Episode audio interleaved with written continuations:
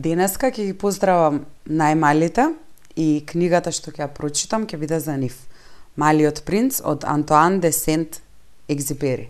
Јас сум мајка и многу добро знам како е да си изморен, децата да сакаат да им читаш на вечер, а ти да не можеш. Затоа ова нека биде олеснување и за мајките и за татковците, а вие, дечињата, затворете ги очињата и слушајте.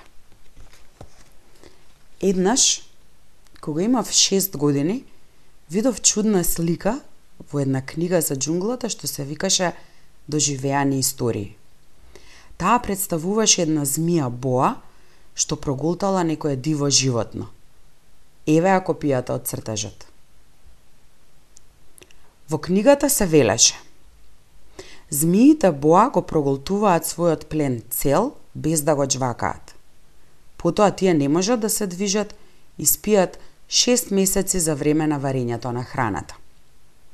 Јас тогаш многу размислував за авантурите во джунглата и тоа си дојде само по себе, успеав со молив во боја да го скицирам мојот прв цртеж.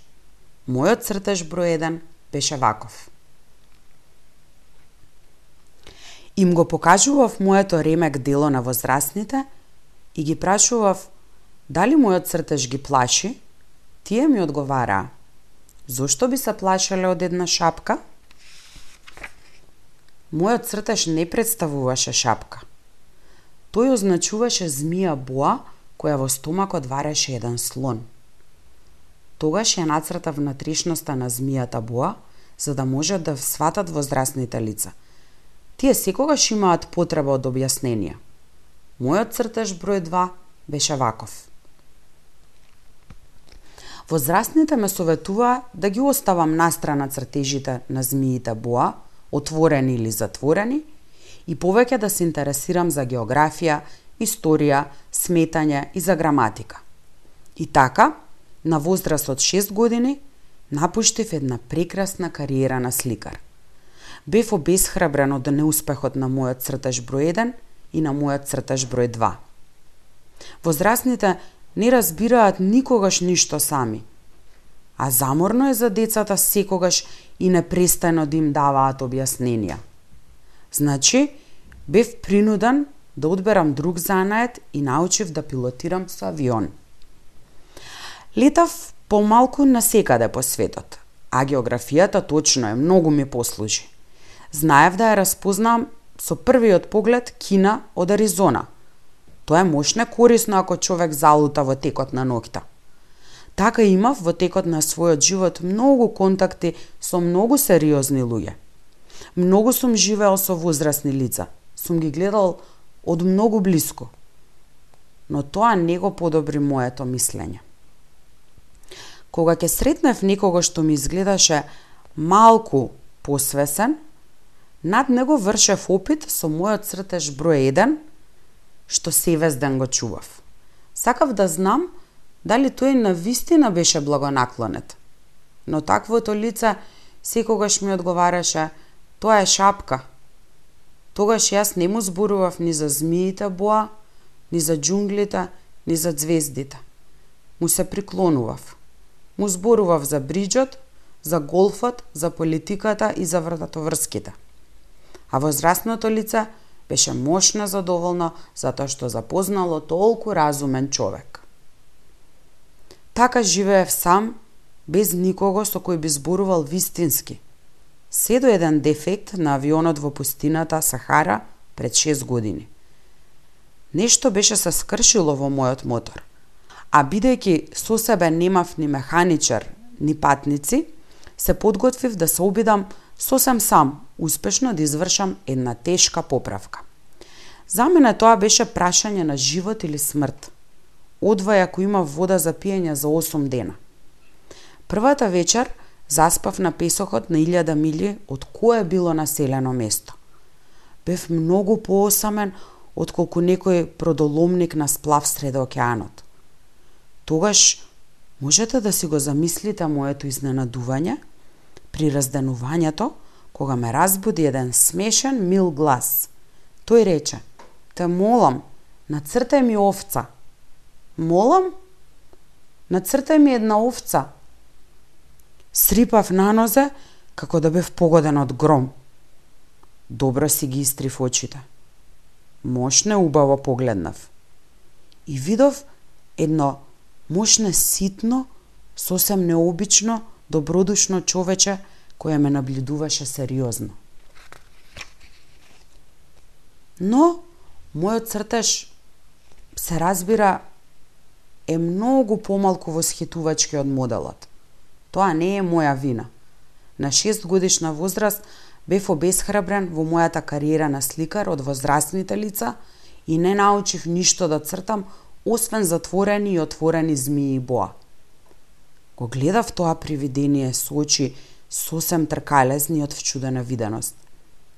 Не заборавајте дека се наоѓав на илјада мили далеку од кое било населено место.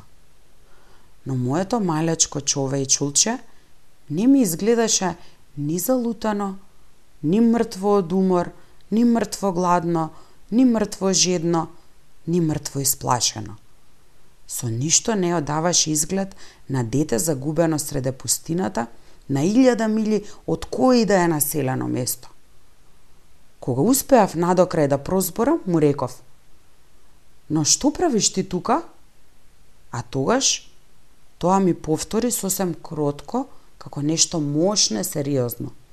Те молам, нацртај ми една овца. Кога таинственоста е мошна и впечатлива, човек не се осмелува да биде непослушен. Колку и да ми изгледаше абсурдно тоа на илјада мили од кое било населено место и во смртна опасност, извадив од својот джеб еден хартиен лист и пенкало. Но тогаш се сетив дека јас пред се учев географија, историја, сметање и граматика и му реков на малото добро човече, со малку лошо настроение, дека не знам да цртам. Тој ми одговори. Тоа не е важно. Нацртај ми една овца. Бидејќи никогаш немав нацртана овца, пак направив за него еден од двата единствени цртежи за кои бев способен. Оној со затворената боа. И бев многу изненаден кога го чув одговорот на добродушното човече. Не, не, не сакам слон во боа. Боата е многу опасна, а слонот е многу голем. Кај мене се е мало. Имам потреба од една овца. Нацртај ми овца. Тогаш нацртав. Тој погледна внимателно. Потоа, не, Ова е веќе многу болна. Направи друга. Јас нацртав. Мојот пријател се насмевна љубезно со благост. Ти гледаш добро. Ова не е овца. Ова е овен. Има рогови. Направив уште еден цртеж. Но и тој беше одбиен како и предходните. Ова е премногу стара. Јас сакам овца што живее долго време. Тогаш во недостиг на трпение, како што брзав да почнам со демонтажа на мојот мотор, го начкрткав овој цртеж. И му го дофрлив. Ова е сандак, а внатре е овцата што ја сакаш. И многу се изненадив кога видов како се разведри лицето на мојот млад критичар. Токму таква сакав. Мислиш ли дека ќе и треба многу трева на овцава? Зошто? Зошто кај мене се е мало. Сигурно ќе има доволно. Ти дадов една сосем мала овца. Тоја сведна главата на цртежот. И не е толку малечка, гледај, таа заспа. И ете така се запознав со малиот принц.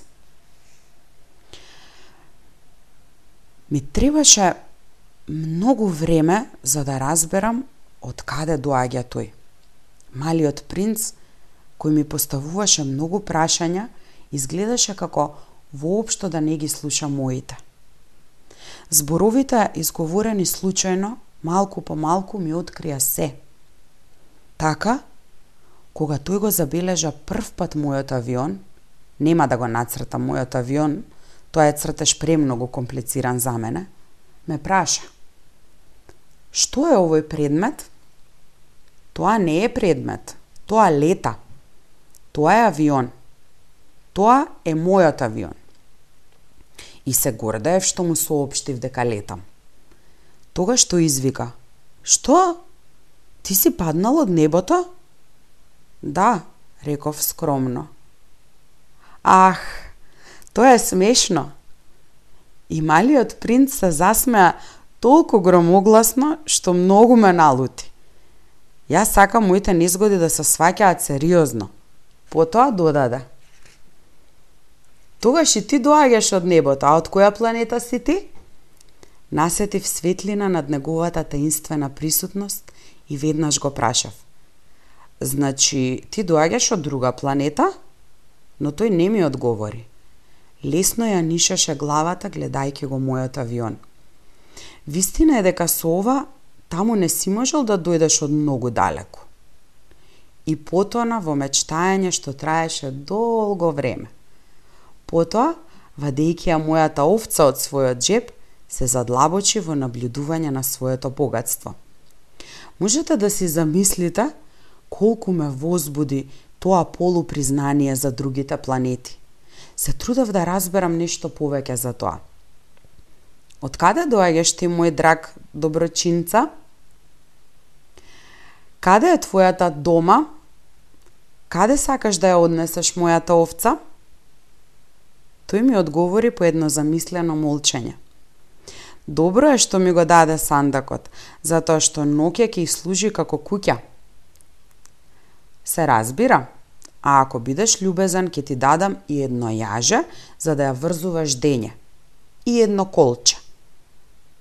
Предлогот изгледаше шокантно за малиот принц. Да ја врзувам, колку смешна замисла. Но ако не ја врзеш, таа ќе оди каде било и ќе се загуби. Мојот пријател пак почна да се смее гласно. А каде би отишла? Каде и да било? Право пред себе.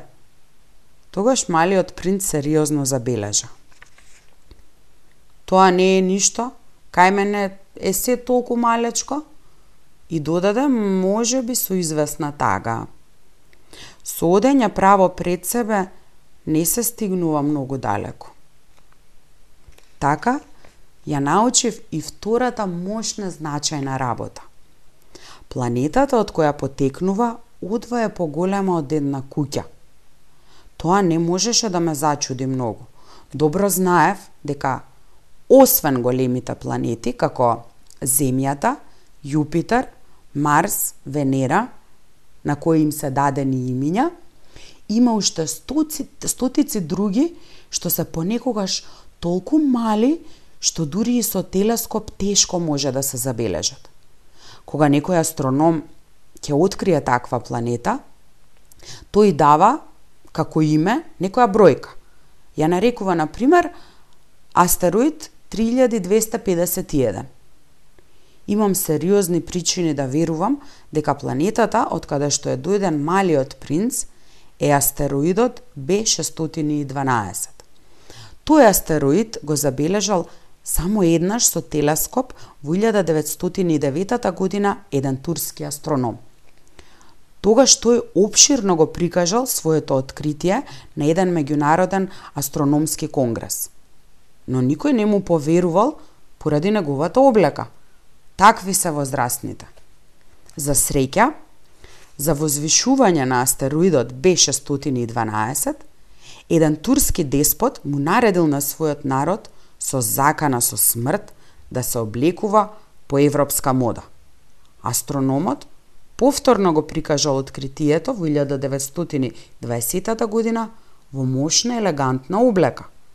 И тогаш сите го прифатиле неговото мислење Ако ви ги раскажав овие подробности за астероидот B612 и ако ви го доверив и неговиот број, тоа е поради возрастните лица.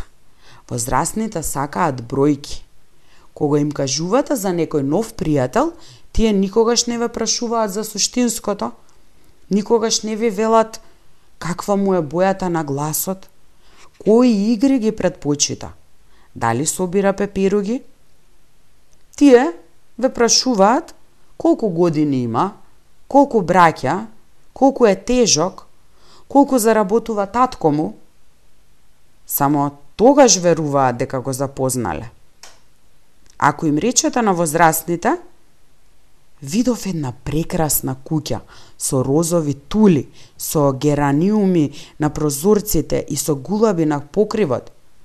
Тие нема да успеат да си ја представат таа куќа. Треба да им речете. Видов куќа од 100.000 франкови. Тогаш тие ќе извикаат. Колку убаво! Така, ако им речете.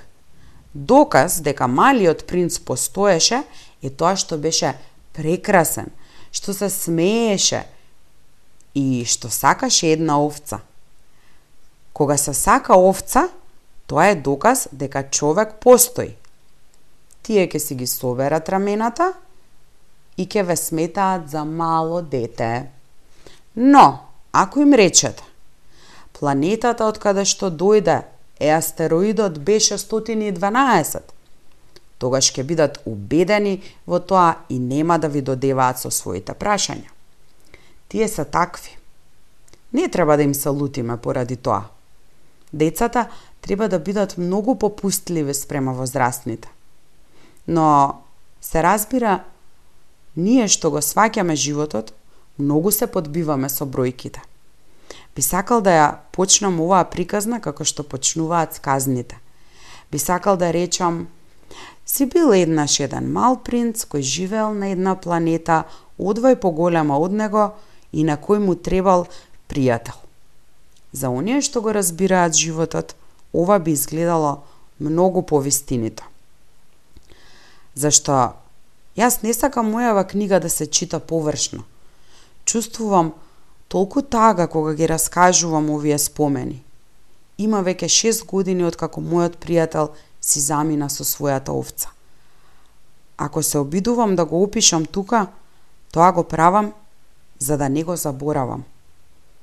И јас можам да станам како возрастните кои се интересираат само за бројки. Значи, токму поради тоа, купив една кутија со боички и моливи. Мачно е на моја возраст да му се вратам на цртањето, кога никогаш не смогнав да направам други обиди освен оној со затворената боа и оној со отворената боа, кога имав 6 години.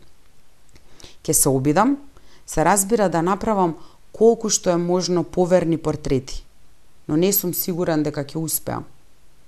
Еден цртеше успешен, а другиот повеќе не личи. Малку се лажам во однос на ставата. Овде малиот принц е многу голем, а онде е премногу мал. Исто така, се колебам и во врска со бојата на неговата облека. Па се обидувам и вака и онака колку добро, толку и лошо. Но тоа треба да биде простано.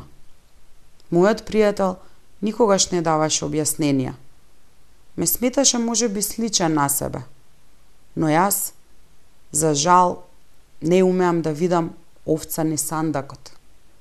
Може би сум малку како возрастните најверојатно сум остарал. Добра ноќ. Продолжуваме со приказната за малиот принц. Измивте запчиња, облеговте пижамчиња, испивте млеко, ајде да читаме. Секој ден дознавав по нешто ново за планетата, за поаѓањето, за патувањето. Тоа се одвиваше сосем полека при размислувањата – Така, на третиот ден, веќе се запознав со трагичната случка со баобабите. Овој пат тоа се случи благодарејќи на овцата, зашто малиот принц, обземен од сериозно сомневање, ненајдено ме праша. Вистина е, нели, дека овците јадат лист и лисија од грмушки? Да, вистина е. Ах, се радувам. Јас Не сватив зошто тоа беше толку важно дека овците јадат лисија од грмушки, но малиот принц додаде. Според тоа, тие исто така јадат и баобаби му направив забелешка на малиот принц дека баобабите не се грмушки, туку огромни дрвја, како цркви, и дека дури и да донесол со себе цело стадо слонови, тоа стадо нема да достигне до врвот на ниту еден единствен баобаб. Помислата на стадо слонови го насмеа малиот принц. Би требало да се стават едни врз други, но тој мудро забележа. Баобабите пред да пораснат прво се мали. Тоа е точно. Но зошто сакаш твоите овци да ги јадат малите баобаби? Тој ми одговори. Добро, шегата настрана. Како да се работеше за нешто очигледно. А ми требаше голем умствен напор за да го сватам сам тој проблем. А всушност, на планетата на малиот принц имало, како и на сите други планети, добри и лоши тревки. Според она, од добри зрна добри тревки, а од лоши зрна лоши тревки. Но зрната се невидливи. Тие спијат во самиците на земјата, се додека едно од нив не се сети да се разбуди. Тогаш тоа се протегнува и се пушта кон сонцето, отпрвен плашливо, едно прекрасно малечко и безопасно стракче. Ако станува збор за стракче од репка или од ружино дрво, може да се остави да расте колку што сака. Но, ако се работи за некое лошо растение, треба в часот да се искорне, откако ќе биде препознаено. А на планетата на Малиот принц имало многу ужасни зрна. Тоа биле зрна од баобаби. Почвата на таа планета била заразена од нив. И така, ако баобабот биде доцна забележан, човек нема да може никогаш повеќе да се ослободи од него. Тој ја блокира целата планета. Ја продупчува со своите корења. Ако планетата е мошна малечка и ако баобабите се многубројни, тие ќе се распукаат. Тоа е прашање на дисциплина, ми велеше подоцна малечкиот принц. Кога наутро човек ќе заврши со својата тоалета, треба грижливо да ја дотера и планетата.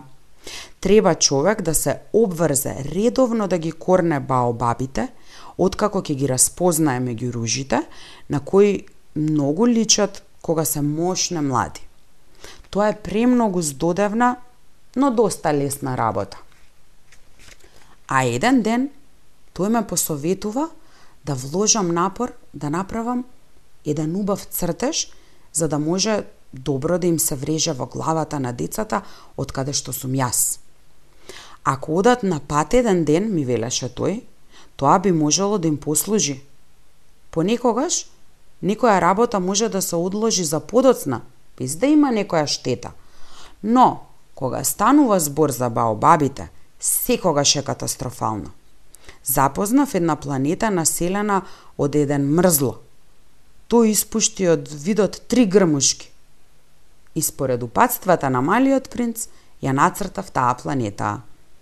Никако не сакам да настапам како некој што држи лекции, но опасноста од баобабите е толку малку позната, а однапред познатите ризици за оној што би затекнал на некој астероид се толку големи што само еднаш ќе направам исклучок од својата воздржаност.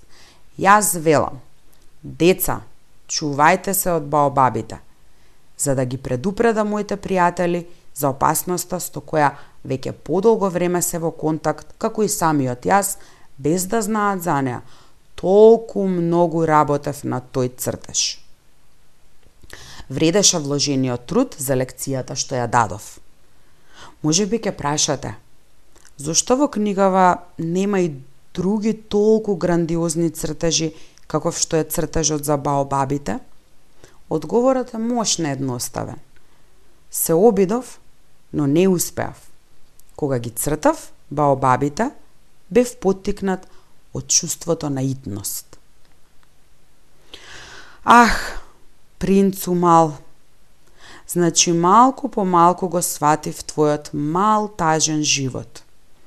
Ти долго време, за разонода, си ја имал само сладоста на зајди сонцето. Тој нов детаљ го научив на четвртиот ден наутро кога ми рече. Многу ги сакам залезите на сонцето. Додиме да видиме едно зајди сонце. Но треба да чекаме, реков. Што да чекаме? Да чекаме да зајде сонцето. Ти прво имаш изглед на изненаден човек, а потоа се смееше на себе си и ми рече Јас секогаш мислам дека сум дома. И на вистина, кога во Америка е пладне, во Франција, а тоа го знаат сите, сонцето заоѓа. Би било доволно кога би можело барем за една минута да се поеде во Франција и да се присуствува на залезот на заоѓањето на сонцето. За жал, Франција е многу далеку. Но на твојата толку мала планета, тебе би ти било доволно само да го повлечеш своето столче за неколку чекори. И би можел да го гледаш залезот секогаш кога би ти се присакало. Еден ден видов како сонцето заоѓа 43 пати, а малку подоцна додаде. Знаеш, кога човек е многу тажен, го сака заоѓањето на сонцето. Значи, оној ден со 43 залези ти си бил толку многу тажен? Малиот принц не одговори. Петтиот ден, пак благодарејќи на овцата, ми се откри следнава тајна од животот на малиот принц. Тој избувливо ме праша, без да обојколување, како резултат на еден проблем за кој таинствено размислувал долго време. Ако овцата јаде грмушки, дали јаде и цвекиња? Овцата јаде се што ќе најде. Дури и цвекињата што имаат трња? Да, дури и цвекињата што имаат трња. Тогаш, зашто служат трњата? Јас не го знаев тоа. Тој час бев многу зафатен со одвртувањето на еден многу стегнат шраф на мојот мотор. Бев мощно загрижен за, тоа што дефектот почна да ми изгледа многу сериозен, а и водата за пиење која веќе завршуваше ми предизвикуваше страф од најлошото. Зашто служат трњата? Малиот принц никогаш не се откажуваше од некое прашање, откако еднаш ке го поставеше. Бе вознемирен поради штрафот и одговорив без размислување. Трњата не служат за ништо, тие се совршена суровост на цвекињата. Ох, но по кратко молчење ми дофрли со воздржана лутина. Не ти верувам. Цвекињата се кревки, невини се. Се заштитуваат како што умеат и мислат дека се опасни со своите трња. Ништо не одговорив, Во тој момент си велев, ако овој шраф продолжи да дава отпор, ќе го извадам со еден удар со чеканот. Малиот принц пак создаде безредие во моите размислувања. И ти мислиш дека цвекињата, ама не и не, јас ништо не мислам, му одговорив. Јас сум преокупиран со сериозни работи. Тој ме погледна вчудовидено со сериозни работи. Тој ме гледаше, врака го имав мојот чекан, а прстите ми беа црни од маслото, наведнат над предмет што него му изгледаше многу грд. Ти зборуваш како возрастните. Тоа малку ме засрами. Но тој додаде безмилосно. Ти збрка се, се измеша. На вистина бев многу налутен. Ветрот ми ја разлеа златестата коса. Знам една планета на која живее еден црвен господин. Тој никогаш не помирисал цвет. Никогаш не погледнал во звезда. Не сакал никогаш никого. Никогаш не правил ништо друго освен пресметки. И цел ден повторува како тебе. Јас сум сериозен човек, јас сум сериозен човек и целиот се подул од дигноглавост. Но тој не е човек, туку печурка. Што? Печурка? Малиот принц сега беше сосема блет од лутина. Има милиони години од како цвекињата произведуваат трња. Има милиони години од како овците сепак јадат цвекиња. И зар не е сериозно настојувањето да се свати зошто тие толку се мачат да создаваат трња кои никогаш не служат за ништо? Зар не е важна војната меѓу овците и цвекињата? Зар тоа не е посериозно и поважно од колку пресметките на црвениот господин? Иако јас познавам еден цвет што е единствен во светот и што не постои никаде освен на мојата планета, иако еднутро некоја овчичка за миг го уништи, без да биде свесна што направила, зар тоа е безначајно? Тој поцрвене и продолжи. Ако некој сака едно цвеќе кое постои само во еден примерок во милионите и милионите звезди, за него, за да биде среќен, е доволно да ги гледа нив. Тој ќе си вели, моето цвеќе е таму некаде. Но ако овцата го изеде цвеќето, тогаш за него одеднаш како да се згаснуваат сите звезди. И зар тоа не е важно? Тој не можеше ништо повеќе да каже. Ненадено заплака. Ноќта веќе беше спуштена. Јас ги оставив своите алати. Им се подсмевав на мојот чекан, на мојот шраф, на жетта и на смртта. На една звезда, на една планета, на мојата, на земјата, имаше еден мал принц што требаше да се утеши. Го зедов во преградка. Го нишав. Му велев, цвеќето што го сакаш ти не е во опасност. На твојата овца ќе нацртам нарилник. Ке ти нацртам оклоп за твоето цвеќе. Јас веќе не знаев што да речам се чувствував многу несмасен. Не знаев како да му пристапам, како да му се придружам. Тоа е толку таинствено царство на солзите. Многу бргу смогнав подобро да го запознаам тоа цвеќе. На планетата на Малиот принц Од секогаш имало многу едноставни цвекиња, украсени само со еден ред венечни ливчиња, кои воопшто не зафаќале место и не пречеле никому.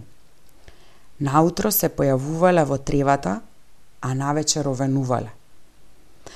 Но неговото цвеќе никнало ненадејно еден ден од едно зрно, донесено кој знае од каде, а малиот принц одблизу го надгледувал стракчето кое не личело на ниедно друго стракче. Тоа можело да биде некој нов вид баобаб, но стракчето брзо престанало да расте и почнало да формира цвете. Малиот принц, кој присуствувал на настанувањето на една огромна пупка, добро насетил дека оттаму ќе се појави нешто чудесно – но цвеќето не престанувало да се подготвува да биде убаво, во заветрината на својата зелена собичка. Грижливо ги избрало своите бои. Полека се обликувало и ги редало едно по едно своите венечни ливчиња. Тоа не сакало да се појави истуткано како божурките, ниту да се покаже поинаку освен во полниот блескот на својата убавина. Ех, да, било премногу кокетно. И така, неговото невообичаено дотерување траело денови и денови. И потоа, едно убаво утро, токму при изгревот на сонцето се покажало. И тоа, што работело со толкава точност, рекло продзевајки се. Ах, одвај се разбудив. Ве молам да ми простите. Се уште сум сосем разбушавена. Тогаш малиот принц не можел да го совлада својот восхит. Колку си убаво! Нели? Одговорила нежно цвеќето. Се родив заедно со сонцето. Малиот принц веднаш забележал дека тоа не е многу скромно, но било толку возбудливо. Мислам дека е време за појадок, додало тоа веднаш. Ке бидеш ли љубезен да мислиш на мене? А малиот принц, сосем збунат, побарал кантичка со свежа вода и го послужил цвеќето. Така цвеќето многу бргу почнало да го измачува малиот принц со својата бојазлива вообразеност. Еден ден, на пример, зборувајќи за своите четири трнчиња, му рекол на малиот принц. Може да дојдат тигри со своите канџи. На мојава планета нема тигри, приговорил малиот принц. А освен тоа, тигрите не јадат трева. Прости ми, И јас ни најмалку не се плашам од тигрите, но ме фаќа ужас од провевот. Дали имаш некаков параван? Ужас од провев? Тоа не е некоја среќа за едно растение, забележал малиот принц. Ова цвеќе е доста комплицирано. Навечер ставајме под стаклено звоно. Кај тебе е многу студено и лошо е средено. Унаму од каде што доаѓам јас, но замолкнала. Тоа било дојдено во форма на зрно. И ништо не можело да знае за другите светови. Понижено поради тоа што дозволило да биде изненадено во подготовката на една толку наивна лага, се накашлало два-три пати за да го помене малиот принц за неговата грешка. А Параван Ке одев да побарам еден, но ти ми зборуваше. Тогаш тоа го засилило кашлањето за да предизвика кај малиот принц гризање на совеста. така малиот принц и покрај добрата волја за љубов се посомневал во цвеќето. Тој сериозно ги сватил зборовите што немале никаква важност и станал многу несреќен. Не требаше да го слушам, ми се довери тој еден ден. Никогаш не требаш не треба да ги слушаме цвекињата. Треба да ги гледаме и да ги мирисаме. Моето ја исполни со мирис мојата планета. Но јас не знаев да уживам во тоа. А таа историја со канџите што толку ме раздразни, всушност требаше да ме разнежни. Тој уште ми довери. Тогаш не успеав ништо да разберам. Требаше за него да донесам суд според делата, а не според зборовите. Тоа ме намирисуваше и ме поучуваше. Никогаш не требаше да побегнам од него. Требаше да ја насетам неговата нежност за тие негови бедни лукавства.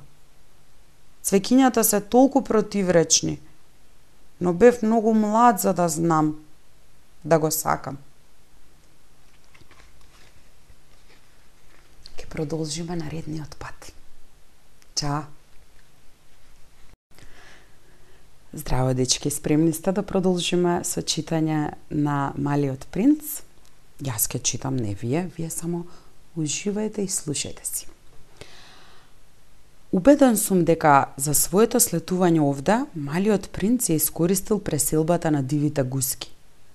Утрото, пред, пред да тргне, убаво ја средил својата планета тој грижливо ги исчистил активните вулкани. Имал два активни вулкани. Тие биле многу погодни за готвење на појадок наутро. Исто така, имал и еден изгаснат вулкан. Но, како што велеше, никогаш не се знае. И затоа го исчистил и изгаснатиот вулкан. Ако се добро исчистени, вулканите горат полека и умерено, без ерупции. Вулканските ерупции се како пламења во оджакот. Очигледно е дека на нашава земја ние сме премногу малечки за да можеме да ги чистиме нашите вулкани. Токму затоа, тие ни причинуваат еден куп непријатности.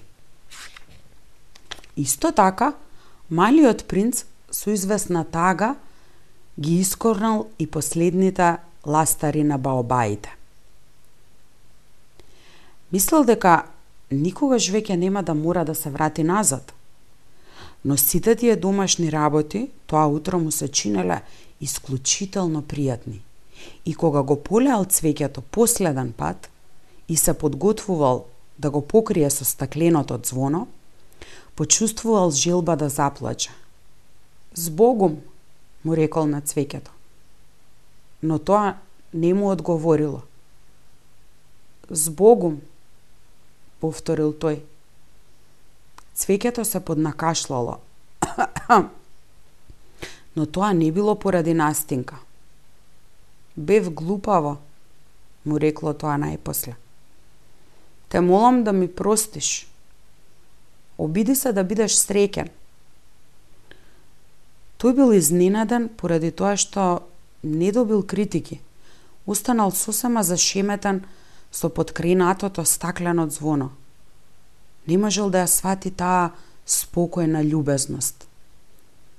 Па да, јас те сакам, му рекло цвеќето. Ти не дозна за тоа по моја вина.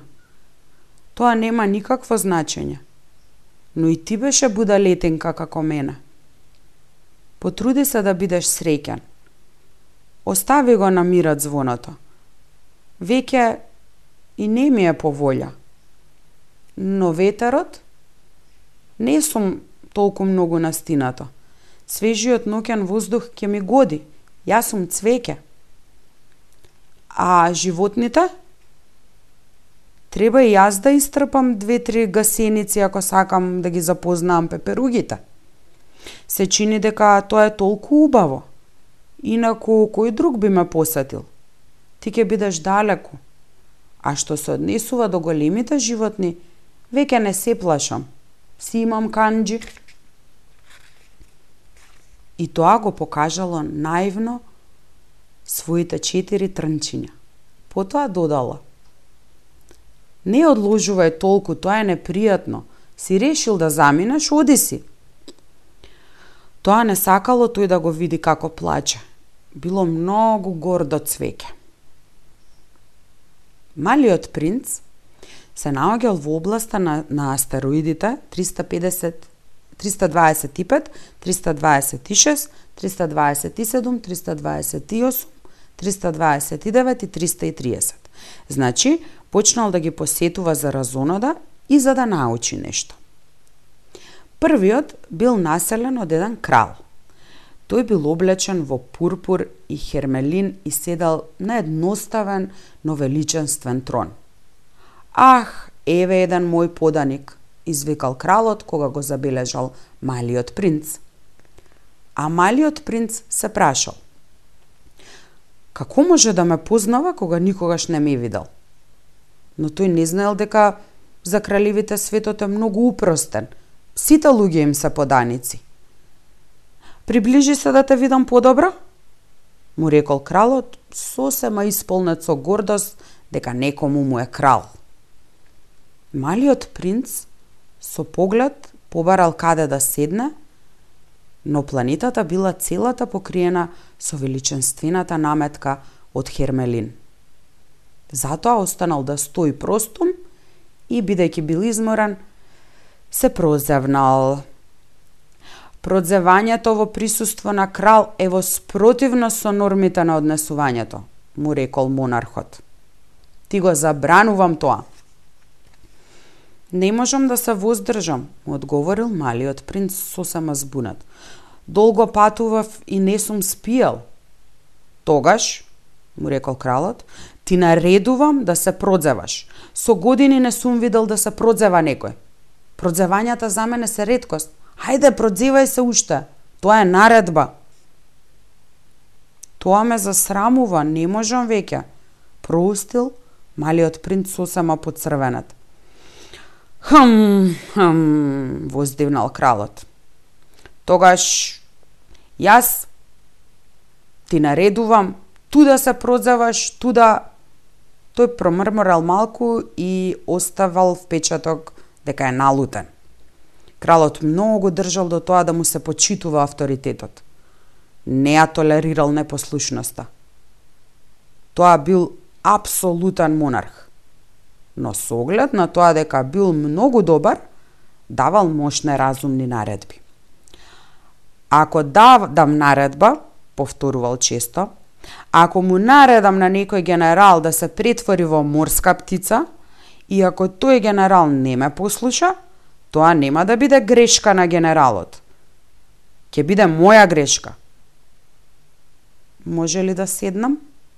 Срамежливо прашал малиот принц. Ти наредувам да седнеш, му одговорил кралот кој величествено ги прибрал едниот крај од својата хермелинска наметка. Малиот принц се зачудел. Планетата била толку мала. Кому можел кралот да му биде владетел? А, ваше величество, му рекол малиот принц, се извинувам што ќе ве прашам. Ти наредувам да ме прашаш, побрзал да рече кралот. А, ваше величество, на кого сте му вие владител? На сите, одговорил кралот со голема едноставност. На сите? Кралот со фин гест ги означил својата планета, другите планети и звездите. На сето тоа, рекол малиот принц. На сето тоа, одговорил кралот. Зошто не само што бил апсолутен монарх, туку бил и универзален монарх. И звездите ли ве слушаат? Се разбира, му рекол кралот. Веднаш ми се покоруваат. Не толерирам недисциплина. Таквата моќ го восхитила малиот принц. Да ја имал тој таа моќ, ќе можел да присуствува не на 44, туку на 72, па дури и на 100 или дури на 200 за едисонца во еден ден, без да го, помр... без да го помрдне своето столче. И бидејќи се чувствувал малку тажен поради споменот за својата мала напуштена планета, се осмелил да го замоли кралот за една милост. Би сакал да видам едно заедисонце. Направете ми задоволство. Наредете му на сонцето да зајде. Ако му дадам наредба на еден генерал да лета од цвет на цвет како пеперуга, или да напише трагедија, или да се претвори во морска птица, и ако генералот не ја изврши дадената наредба, тогаш кој ќе биде виновен, тој или јас? Вие, му одговорил цврсто малиот принц. Точно, од секого треба да се бара она што може да го даде, рекол кралот. Авторитетот пред се се темели врз разумот. Ако му наредиш на својот народ да се фрли во морето, тој ќе дигне револуција. Јас имам право да барам послушност, зашто моите наредби се разумни. А моето за Едисонца? Го подсетил малиот принц кој никогаш не забораваше прашањето што ќе го поставеш еднаш. Ке го добиеш твоето за Едисонца. Јас ќе го побарам, но ќе треба да почекам во мојата наука за владење условите да бидат поволни. Кога ќе биде тоа? се распрашал малиот принц. Хм, хм, му одговорил кралот, кој прво ги прегледал податоците во еден громорен календар. Хм, хм, тоа ќе биде околу, околу, тоа ќе биде вечерва, околу 7 часот и 40 минути. А ти ќе видиш дека мене ме слушаат. Малиот принц се продзевнал. Жалел поради своето пропуштено зајди сонце. Потоа малку му станало здодевно. Јас веќе нема што да правам тука, му рекол на кралот. Ке заминам. Не оди си, му одговорил кралот, кој бил толку горд што има еден поданик. Не заминувај, ќе те направам министер. Министер за што? Па, за правда. Но нема кому да му судам. Не се знае, му рекол кралот. Уште не сум го обиколил моево кралство. Јас сум многу стар. Овде немам место за кочија, а одењето пеш ме изморува. О, јас веќе видов, рекол малиот принц, кој се наведнал за да погледне уште еднаш на другата страна од планетата. Ни онаму долу веќе нема никој. Тогаш ќе си судиш самиот себе си, му одговорил кралот. Тоа е најтешко. Зашто многу потешко е да си судиш сам на себе отколку на друг. Ако успееш добро да си пресудиш себе си, тоа значи дека си вистински мудрец. Јас, рекол малиот принц, можам да си судам себе си каде и да било. Нема потреба да живеам овде. Хм, рекол кралот. Уверен сум дека на мојава планета има некаде еден стар стаорец. Го слушам ноќе, ќе можеш да го судиш тој стар стаорец. Од време на време ќе го осудуваш на смрт. Така неговиот живот ќе зависи од твојата правда. Но ти секогаш ќе го помилуваш за да го штедиме. Само едене. Јас не сакам да го осудувам на смрт, одговорил малиот принц и затоа мислам да си заминам. Не, рекол кралот. Но, малиот принц, откако завршил со подготовките, веќе не сакал да, да го растажува стариот монарх. Ако вашето величество сака безпрекорно да му биде послушан зборот, може да ми даде некоја промислена наредба. Би можело, например, да ми нареди да си заминам пред да помине една минута.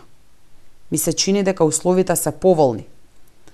Малиот принц прво се двоумел, но бидејќи кралот не одговорил ништо, си заминал воздивнувајки. Те поставувам за мој амбасадор, побрзал тој час да извика кралот. Тој имал достоинствен изглед. Возрастните се многу чудни, си рекол малиот принц, сам со умот додека патувал. Втората планета била населена од еден вообразеник. Ах, ах, имам посета од еден обожавател, извикал од далеку вообразеникот што му го забележал малиот принц. Зошто за вообразаниците другите луѓе се обожаватели. Добар ден, рекол малиот принц. Имате смешна шапка. Таа ми е за да се поздравувам, му одговорил вообразеникот. За да поздравувам кога ми ракоплескаат. За жал, овде никогаш никој не минува. Ах да, рекол малиот принц кој ништо не разбрал. А плескај со рацете, го посоветувал вообразеникот.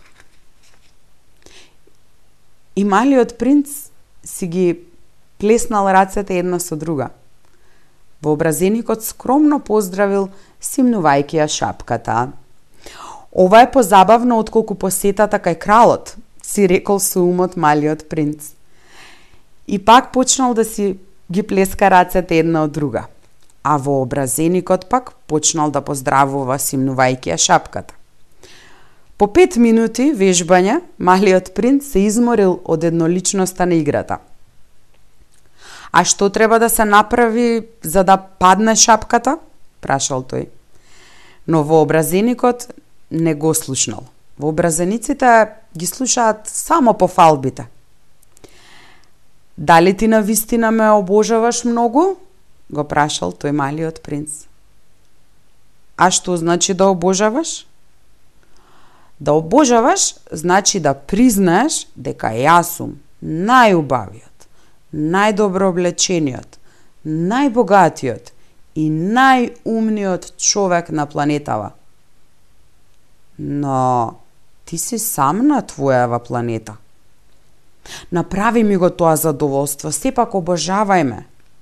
Те обожавам, рекол малиот принц, подкревајќи ги малку рамената. Но зошто тоа би те интересирало? И малиот принц избегал. Возрастните несомнено се многу смешни, си рекол сумот додека патувал. Следната планета била населена од еден пијаница. Таа посета била многу кратка, но го нурнала малиот принц во голема тага. Што правиш тука? Му рекол тој на пијаницата, што го нашол мирно сместен пред еден куп празни шишиња и еден куп полни шишиња. Пијам, одговорил пијаницата со мамурлив изглед. Зошто пиеш? го прашал малиот принц. За да заборавам, одговорил пијаницата. А што да заборавиш? Го прашал вознемирено малиот принц кој веќе го жалел. За да го заборавам срамот, признал пијаницата веднејќи ја главата. Срамот од што? се интересирал малиот принц, кој сакал да му помогне. Срамот од пиењето, завршил пијаницата, кој најпосле потонал во молк. А малиот принц заминал в джасен. Возрастните на вистина се многу, многу чудни, си рекол во умот додека патувал. Четвртата планета била онаа на бизнисменот. Тој човек бил толку зафатен што дури не ја подкренал ни главата при пристигнувањето на малиот принц. Добар ден, му рекол малиот принц ви угаснала цигарата? 3, 2, 5, 5 и 7, 12, 12 и 3, 15, добар ден, 15 и 7, 22, 22 и 6, 28, немам време за да ја запалам пак, 26 и 5, 31, уф, значи тоа е 501 милион 622 731, 500 милиони што? А, ти си уште тука? 500 милиони, веќе не знам, имам толку многу работа, јас сум сериозен и не се занимавам со глупости. 2,57 501 милиони што? Повторил малиот принц кој никогаш во животот не се откажувал од прашањето што еднаш ке го поставил. Бизнисменот ја подкренал главата. Од пред 54 години, откако живеам на оваа планета, само три пати бев вознемируван. Првиот пат, пред 22 години, од еден мајски бумбар што падна тука кој знае од каде, испушташе толку страшна бучава, што направив четири грешки во собирањето на бројките. Вториот пат беше пред 11 години, кога страдав од ревматизам. Ми недостига гимнастика. Тогаш бев лишен од гимнастика а, немам време за талкања, јас сум сериозен човек. Третиот пат, еве го сега, значи велев 501 милион, милион од што? Бизнисменот сватил дека нема никаква надеж за спокојство. А милион од оние мали нешта што понекогаш се гледаат на небото. Муви Не, не, туку малите нешта што светкаат. Пчели? Не, не. Малите позлатени нешта што им предизвикуваат мечти на мрзоловците. Но јас сум сериозен човек, немам време за мечтање. Ах, звездите! Токму така, звездите. И што правиш со 500 милиони звезди? 501 милион 622.731. Јас сум сериозен човек, јас сум прецизен. А што правиш со тие звезди? Што правам? Да. Ништо ги имам. Ги имаш звездите? Да. Но јас веќе видов еден крал кој кралевите немаат ништо, тие само владеат над нешто. Тоа е многу различно. А зашто ти служи имањето на звезди? Ми служи за да бидам богат. А, а зашто ти служи тоа што си богат? За да купам други звезди ако некој најде од нив. Овој човек, си рекол сумот малиот принц, размислува малку како мојот пијаница. Меѓутоа му поставил уште прашање. Како може да се поседуваат звездите? А чии се тие? Подпрашал незадоволно бизнисменот. Не знам, ничи. Тогаш се мои, зашто прв помислив на нив. Доволно ти е тоа? Сигурно. Ако најдеш диамант, што не му припаѓа никому, тој е твој. Кога ќе најдеш остров, што не му припаѓа никому, тоа е твој. Ако ти прв дојдеш до некоја идеја, ти ја патентираш, таа е твоја. А јас ги поседувам звездите, зашто никогаш никој пред мене не помислил да ги има. Тоа е вистина, рекол малиот принц. А што правиш со нив? Ги управувам, ги бројам и ги пребројувам, рекол бизнисменот. Тоа е тешко, но јас сум сериозен човек. Малиот принц уште не бил задоволен. Ако имам свилено шалче, можам да си го ставам околу врат и да го носам. Ако имам цвеќе, можам да го скинам и да го однесам но ти не можеш да ги собереш звездите. Не, но можам да ги ставам в банка. А што значи пак тоа?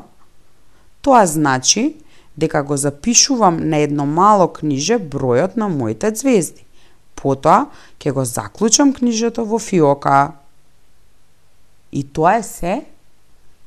Тоа е доволно.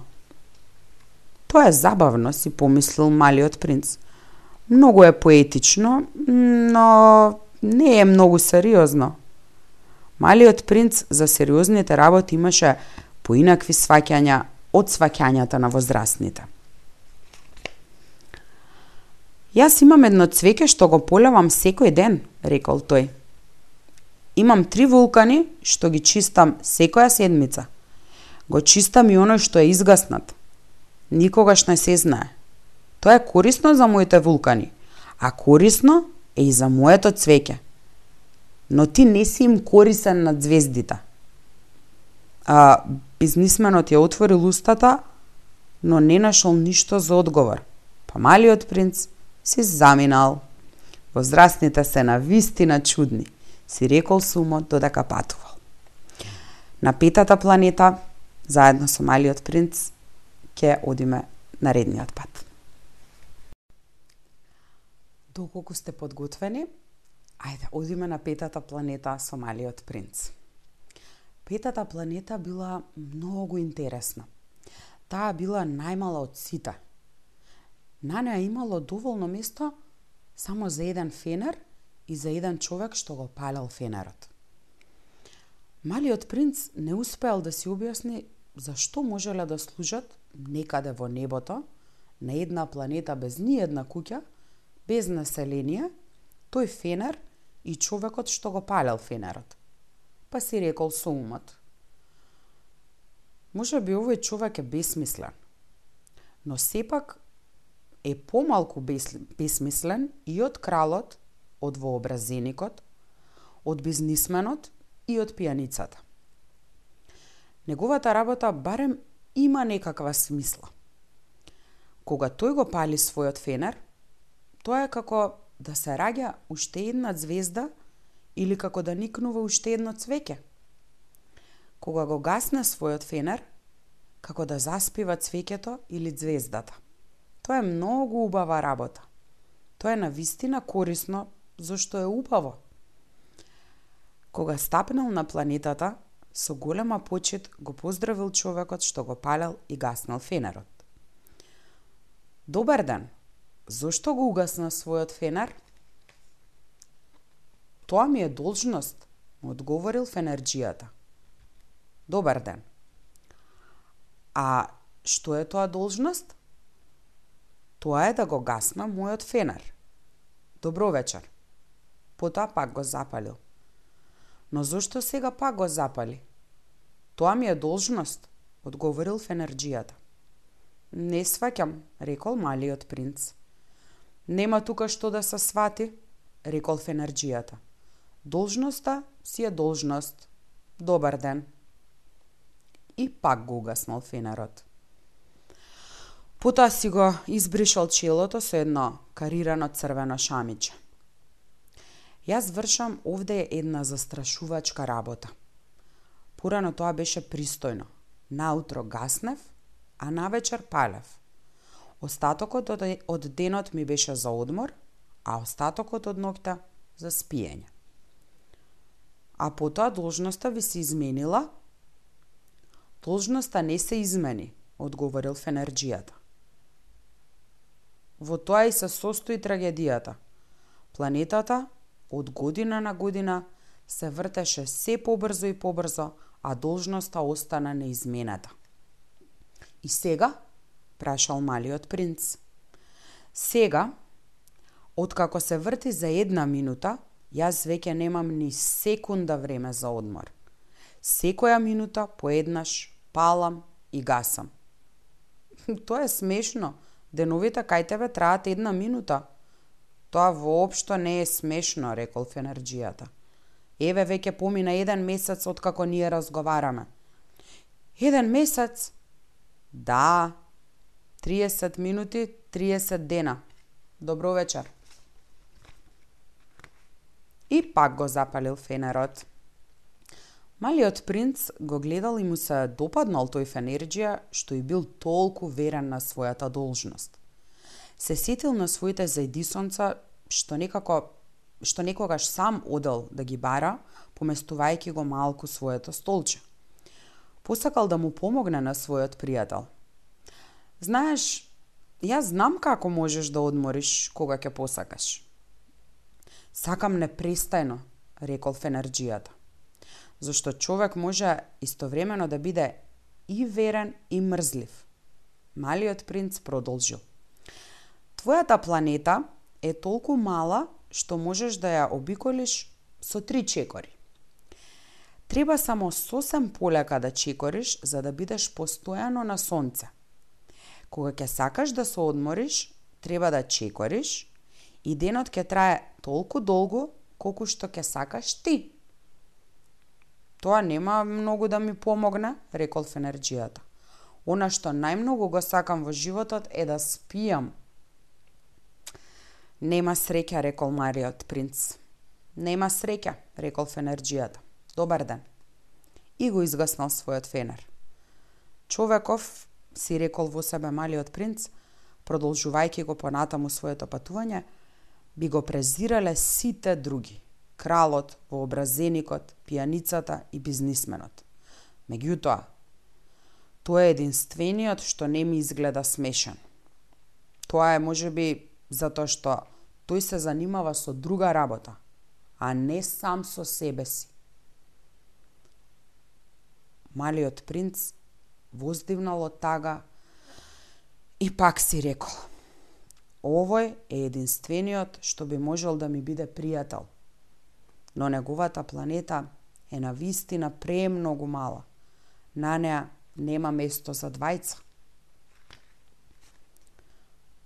Она што малиот принц не се осмелуваше да си го признае, е тоа што жалеше за таа благословена планета, особено поради незините 1440 зајдисонца во 24 часа. Шестата планета била десет пати поширока планета. Била населена од еден стар господин кој напишал колосални книги. Еј, еве еден истражувач, извикал тој кога го здогледал малиот принц. Малиот принц седнал на масата и здивнал малку. Веќе толку многу патувал. Од каде доаѓаш? му рекол стариот господин. Каква е оваа дебела книга? рекол малиот принц. Што правите овде? Јас сум географ, одговорил стариот господин. Што е тоа географ? Тоа е научник кој знае каде се наоѓаат морињата, реките, градовите, планините и пустините. Тоа е многу интересно, рекол малиот принц. Конечно, тоа е вистинска професија. И погледнал околу себе по планетата на географот. Никогаш дотогаш немал видено толку величинствена планета. Вашата планета е многу убава. Дали на неа има океани? Тоа не можам да го знам, рекол географот. Ах, малиот принц се разочарал. А планини? Не можев да го дознаам тоа, рекол географот. А градови, реки и пустини? Ни тоа не смогнав да го дознам, рекол географот. Но вие сте географ. Тоа е точно, рекол географот. Но не сум истражувач. Мене ми недостигаат истражувачи. Географот не е тој што треба да води сметка за градовите, реките, планините, морињата, океаните и пустините. Географот е многу значајна личност и нема време за талкање.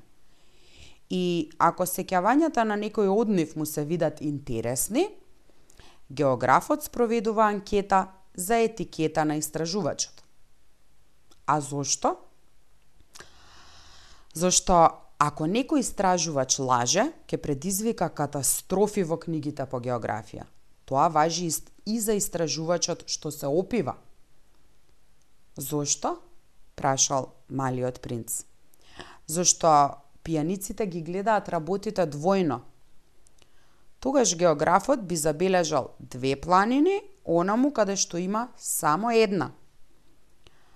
А познавам еден што бил лош истражувач, рекол малиот принц. Тоа е можно. Значи, Кога моралот на истражувачот не изгледа поволен, се прави анкета за неговото откритие. М се уди да се види? Не. Тоа е премногу комплицирано. Меѓутоа, се бара од истражувачот да приложи докази. Ако се работи, на пример, за откривање на некоја огромна планина, од него се бара да донесе грамадни камења. Географот одеднаш се возбудил. А ти, ти доаѓаш одалеку, ти си истражувач, опиши ми ја твојата планета. И откако го отворил својот дебел бележник, географот го наострил моливот. Истражувањата на истражувачите прво се бележеле со молив. За да се обележи нешто со мастило, се чекало истражувачот да приложи докази. Па, прашал географот. О, а, кај мене не е многу интересно, рекол малиот принц, зашто се е мало. Имам три вулкани, два од нив се активни, а третиот е изгаснат. Но никогаш не се знае. Никогаш не се знае, рекол географот. А, исто така имам и едно цвеќе. Цвекињата не ги бележиме, рекол географот. Зошто? Тоа е најубавото цвеќе Зошто цвекињата се краткотрајни. Што значи краткотрајни? Географиите се најскапоцените од сите книги, рекол географот.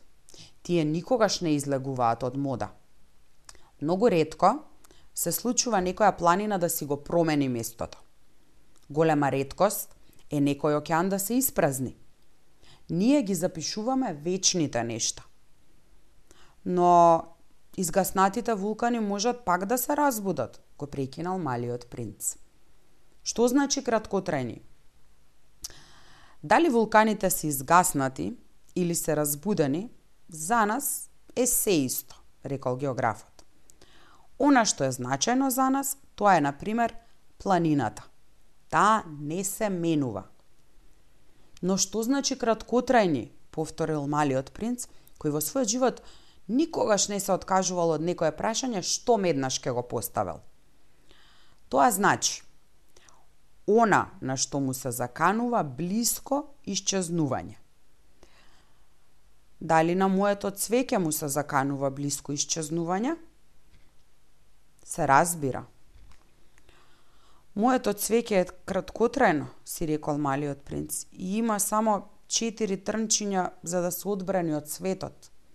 А јас го оставив сосем само дома. Тоа било неговото прво чувство на жал. Но тој пак собрал храброст. Што ме советувате да одам да посетам? прашал тој. Планетата Земја, му одговорил географот. Таа има големо реноме. И малиот принц избегал од таму, а мислите му биле окупирани со неговото цвеќе. Значи, седмата планета била Земјата. Земјата не е некоја каква било планета. Во неа се изброени 111 кралеви. Се разбира, не заборавајки ги црнечките кралеви. 7000 географи, 900.000 бизнисмени, 7,5 милиони пијаници, 311 милиони вообразеници, односно околу 2 милиарди возрастни лица. За да добие представа, за да добиете представа за димензиите на земјата, ќе ви кажам дека пред откривањето на електриката, на сите шест континенти требало да се издржува вистинска армија од 462.511 фенерџи. Гледано од малку подалеку, тоа на вистина прави величествен впечаток. Движењата на таа армија биле подредени како оние на оперскиот балет. Прво, им доаѓал редот на фенерджиите од Нов Зеланд и од Австралија. Откако тие ќе ги запалеле своите лампиони, оделе на спиење. Тогаш им доаѓал редот да влезат во играта фенерджиите од Кина и од Сибир. Потоа и тие се повлекувале зад кулисите. Тогаш им доаѓал редот на фенерджиите од Русија и од Индија. Потоа на оние од Африка и од Европа. Потоа на оние од Јужна Америка. Потоа на оние од Северна Америка. Тие не грешеле никогаш во редоследот на влегувањето на сцената. Тоа било грандиозно. Палачот на единствениот фенер на северниот пол и неговиот колега, откај единствениот фенер на јужниот пол, се единствените што водат живот со безделничење и безгрижност. Го палат и го гаснат фенерот само поеднаш годишно. Кога сака човек да биде духовит, му се случува и да излаже малку. Јас не бев многу правичен кога ви зборував за фенерджиите. Се плашам да не им дадам погрешна представа за нашата планета на оние што не ја познаваат. Луѓето зафаќаат сосем малку место на земјата. Ако 200 милиарди жители што ја населуваат двете, се извинувам, милиарди жители што ја населуваат земјата, застанат простум и малку збиени како на митинг, лесно ќе можат да се сместат на еден плоштад долг 20 мили и широк 20 мили целото човештво би можело да се натрупа на најмалиот остров на Пацификот. Возрастните сигурно нема да ви поверуваат. Тие си замислуваат дека завземаат многу место. Се гледаат себе си важни колку баобабите. Значи, ќе ги посоветувате да направат сметка. Тоа ќе им се допадне, зашто ги обожаваат бројките. Но не губете си го времето со таква обврска. Тоа е бескорисно. Вие имате доверба во мене. Кога малиот принц надокрај се нашол на земјата, бил многу изненаден зашто не забележал никого. се исплашил да не ја сгрешил планетата, кога една алка со боја на месечината се помрднала во песокот. Добра ноќ, рекол малиот принц сосема случајно. Добра ноќ, одговорила земјата, змијата. На која планета сум паднал? прашал малиот принц. На земјата, во Африка, одговорила змијата. Ах, значи на земјата нема никој? Овде е пустина. Во пустините нема никој. Земјата е голема, рекла змијата. Малиот принц седнал на еден камен и ги подкренал очите кон небото. Се прашувам, рекол тој, дали звездите се осветлени за да може секој еден ден да ја најде својата? Погледни ја мојата планета. Таа е точно над нас. Но колку е далеку... Убава е, рекла змијата. Што бараш ти овде? Имам проблем со едно цвеќе, рекол малиот принц. Ах, промрморала змијата. И тие замолчале.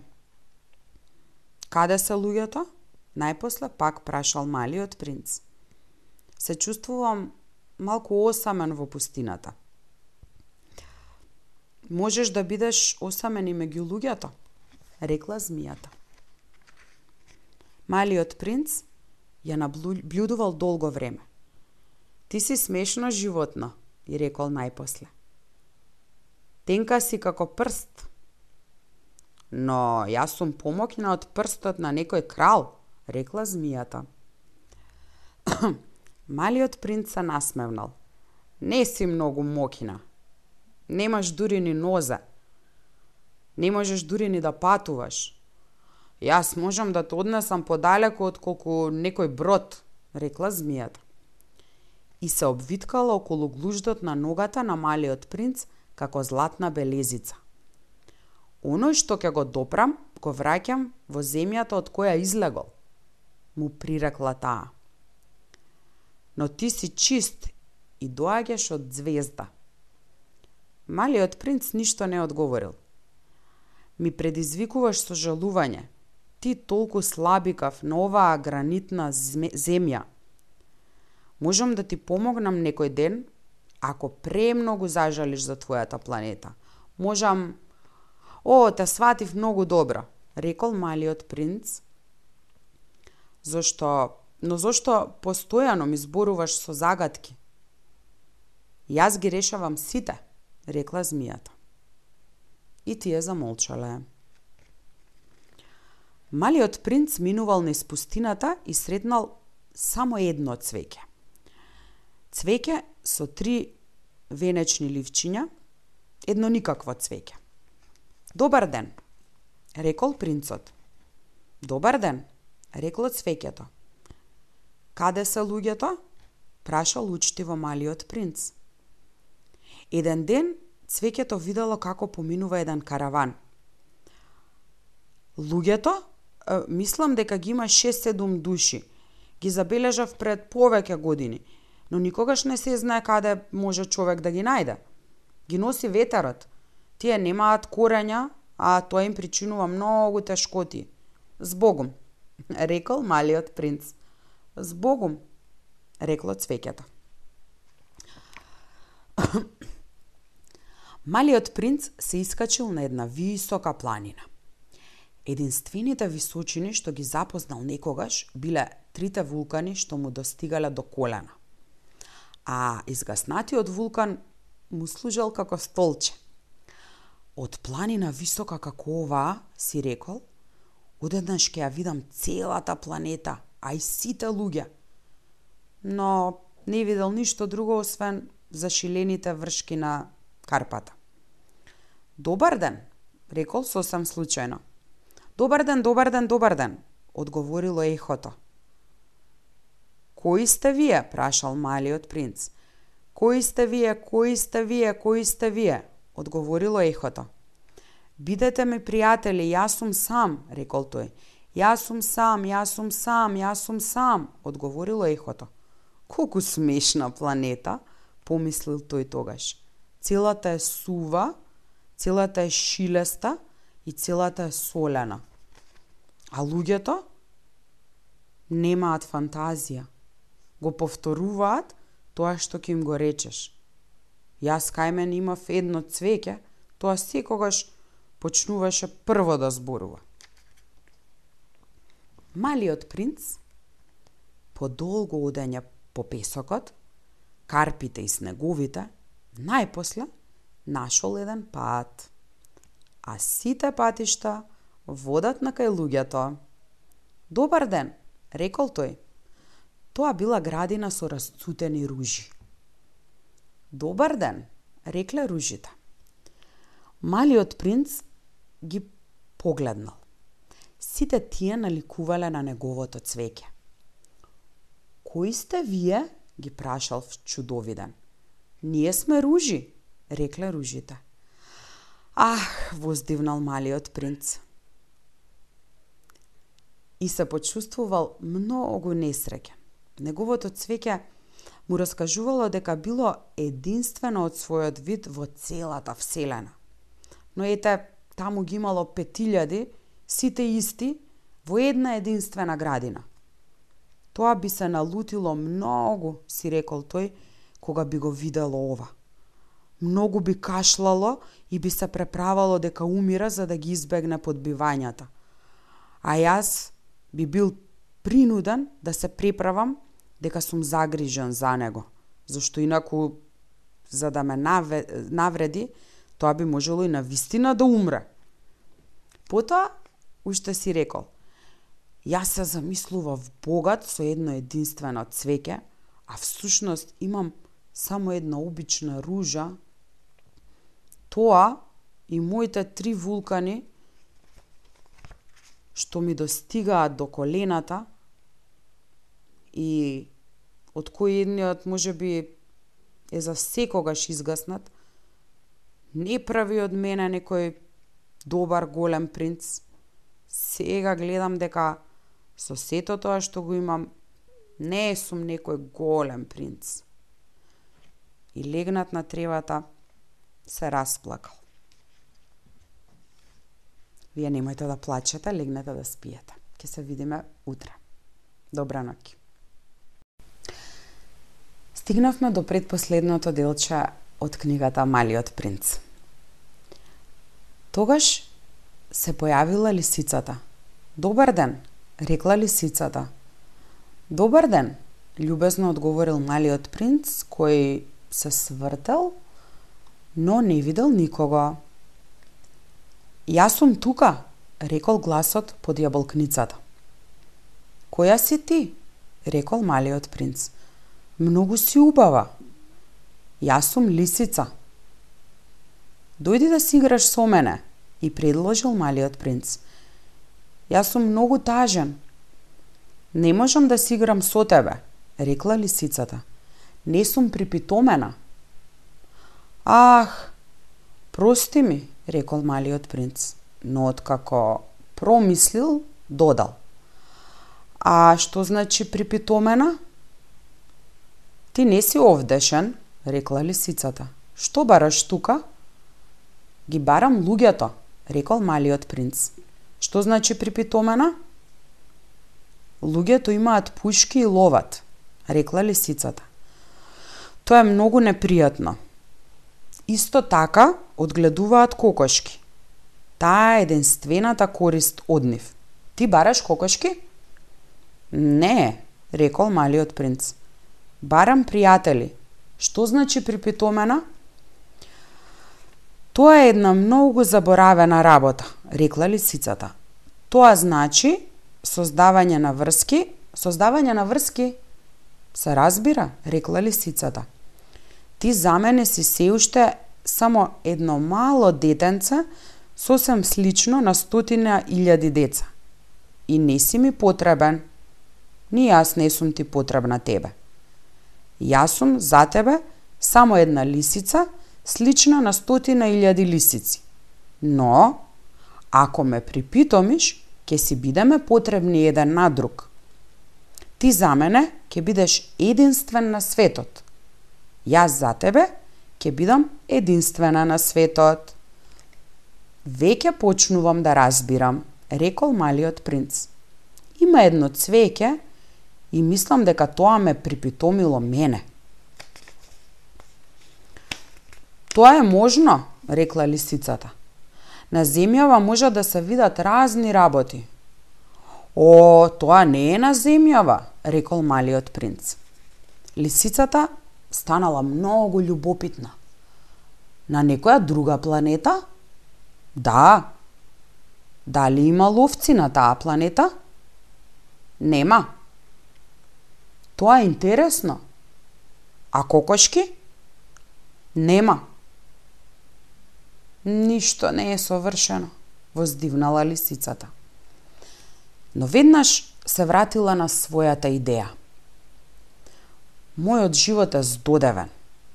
Јас ловам кокошки, а луѓето ме ловат мене. Сите кокошки личат една на друга и сите луѓе личат еден на друг. Значи, мене ми е малку здодевно. Но ако ти ме припитомиш, животот ќе ми се разведри. Ке распознавам еден шум на чекор што ќе се разликува од сите други. А другите чекори ме принудуваат да се кријам под земја. Твојот чекор ќе ме примамува како музика, да излегувам надвор од своето дувло. И погледни сега, ги гледаш ли житните полења онаму? Јас не јадам леп. За мене житото е бескорисно. Житните пулења не ме подсетуваат на ништо. А тоа е тажно. Но ти имаш коса со боја на злато. Ке биде прекрасно кога ќе ме припитомиш. Житото, кое исто така има златна боја, ќе ме подсетува на тебе. А јас ќе го сакам шумот на ветрот во житото. Лисицата замолкнала и долго го гледала малиот принц. Те молам, припитоми ме, рекла таа. Со задоволство, ја одговорил малиот принц. Но немам многу време, треба да најдам пријатели и да запознам уште многу работи. Можеме да ги запознаеме само работите што се припитомуваат, рекла лисицата. Луѓето веќе немаат време да запознаат ништо. Тие купуваат работи што ги има кај трговците. А бидејќи не постојат трговци што продаваат пријатели, луѓето веќе немаат пријатели. Ако ти сакаш пријател, припитоми ме. Што треба да направам? Прашал малиот принц. Треба да бидеш многу стрплив, одговорила лисицата. Најнапред, ќе седнеш малку подалеку од мене, така на тревата. Јас ќе те гледам со аголот на окото, а ти ќе молчиш. Зборувањето е извор на недоразбирања. Но секој ден ќе можеш да седнуваш се поблиску до мене. Утре дента малиот принц пак дошол. Ке беше подобро ако дојдеше во истото време, рекла лисицата. Ако доаѓаш, на пример, во 4 часот попладне, јас уште од 3 часот ќе почнам да се чувствувам среќна. И колку повеќе време ќе изминува, ќе се чувствувам се посреќна. Во 4 часот веќе ќе се возбудувам и ќе се вознемирувам. Тогаш ќе откријам цената на блаженството. Но ако доаѓаш во неодредено време, никогаш нема да знам кога треба да ми се радува срцето. Ритуалите се потребни. Што значи ритуал, рекол малиот принц. Тоа е исто така една работа заборавена веќе долго време, рекла лисицата. Тоа е она што прави еден ден да се разликува од другите денови и еден час да се разликува од другите часови. Например, има еден ритуал кај оние што ме ловат мене. Тие секој четврток танцуваат со девојките од селото. Значи, Четвртокот е прекрасен ден. Јас одам да се прошетам дури до лозијата. А ако ловците танцуваат кој било ден, тогаш сите денови ќе бидат еднакви и јас никогаш нема да имам слободна прошетка. Така, малиот принц ја припитомил лисицата. И кога наближил часот, тој да си замине, Ах, рекла лисицата, ке плачам. Тоа е твоја вина, рекол малиот принц. Јас не сакав да ти сторам ништо лошо, но ти сакаше да те припитомам. Се разбира, рекла лисицата. Но ке плачеш, рекол малиот принц. Се разбира, рекла лисицата. Но ништо не добиваш со тоа. Добивам, рекла лисицата, поради бојата на житото. Потоа таа додала. Оди пак да ги видиш ружите. Ке сватиш дека твојата ружа е единствена на светот. Ти ќе се вратиш да ми речеш збогу, а јас ќе ти подарам една тајна. Малиот принц истрчал пак да ги види ружите. Вие воопшто не личите на моето цвеќе. Вие се уште не сте ништо, им рекол. Вас уште никој не ве припитомил, ниту пак вие некого сте припитомиле. Вие сте такви, какви што беше мојата лисица. А таа беше лисица, какви што ги има стотина илјади. Но јас ја направив моја пријателка и таа сега е единствена на светот. А ружите многу се вознемириле. Вие сте убави, но празни сте, им дофрлил тој. За вас не може да се умре. Се разбира, за мојата ружа, некој обичен минувач ке мисли дека личи на вас.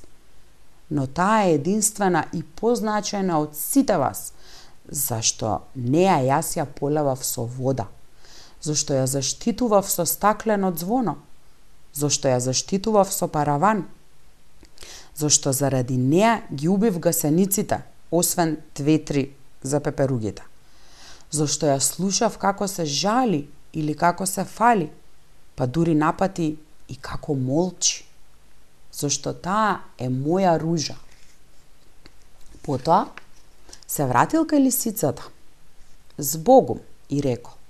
Збогум, рекла лисицата. Еве ја сега мојата тајна. Многу е едноставна. Човек гледа добро само со срцето. Најсуштественото е невидливо за очите. Најсуштественото е невидливо за очите, повторил малиот принц за да го запамети тоа. Тоа е времето што ти си го загубил за твојата ружа, што ја прави твојата ружа толку значајна. Тоа е времето што јас го загубив за мојата ружа, рекол малиот принц за да го запомни тоа. Луѓето ја заборавија таа вистина, рекла лисицата. Но ти не треба да ја заборавиш. Ти стануваш за секогаш одговорен за она што си го припитомил. Ти си одговорен за твојата ружа. Јас сум одговорен за мојата ружа, повторил малиот принц за да запамети. Добар ден, рекол малиот принц. Добар ден, одпоздравил свртничарот на возови. Што правиш тука? рекол малиот принц. Испраќам патници со илјадници пакети, одговорил свртничарот. Ги насочувам возовите што ги носат едни надесно, други налево.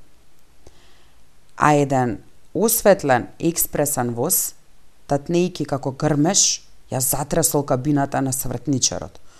Многу им се брза, рекол малиот принц. Што бараат тие?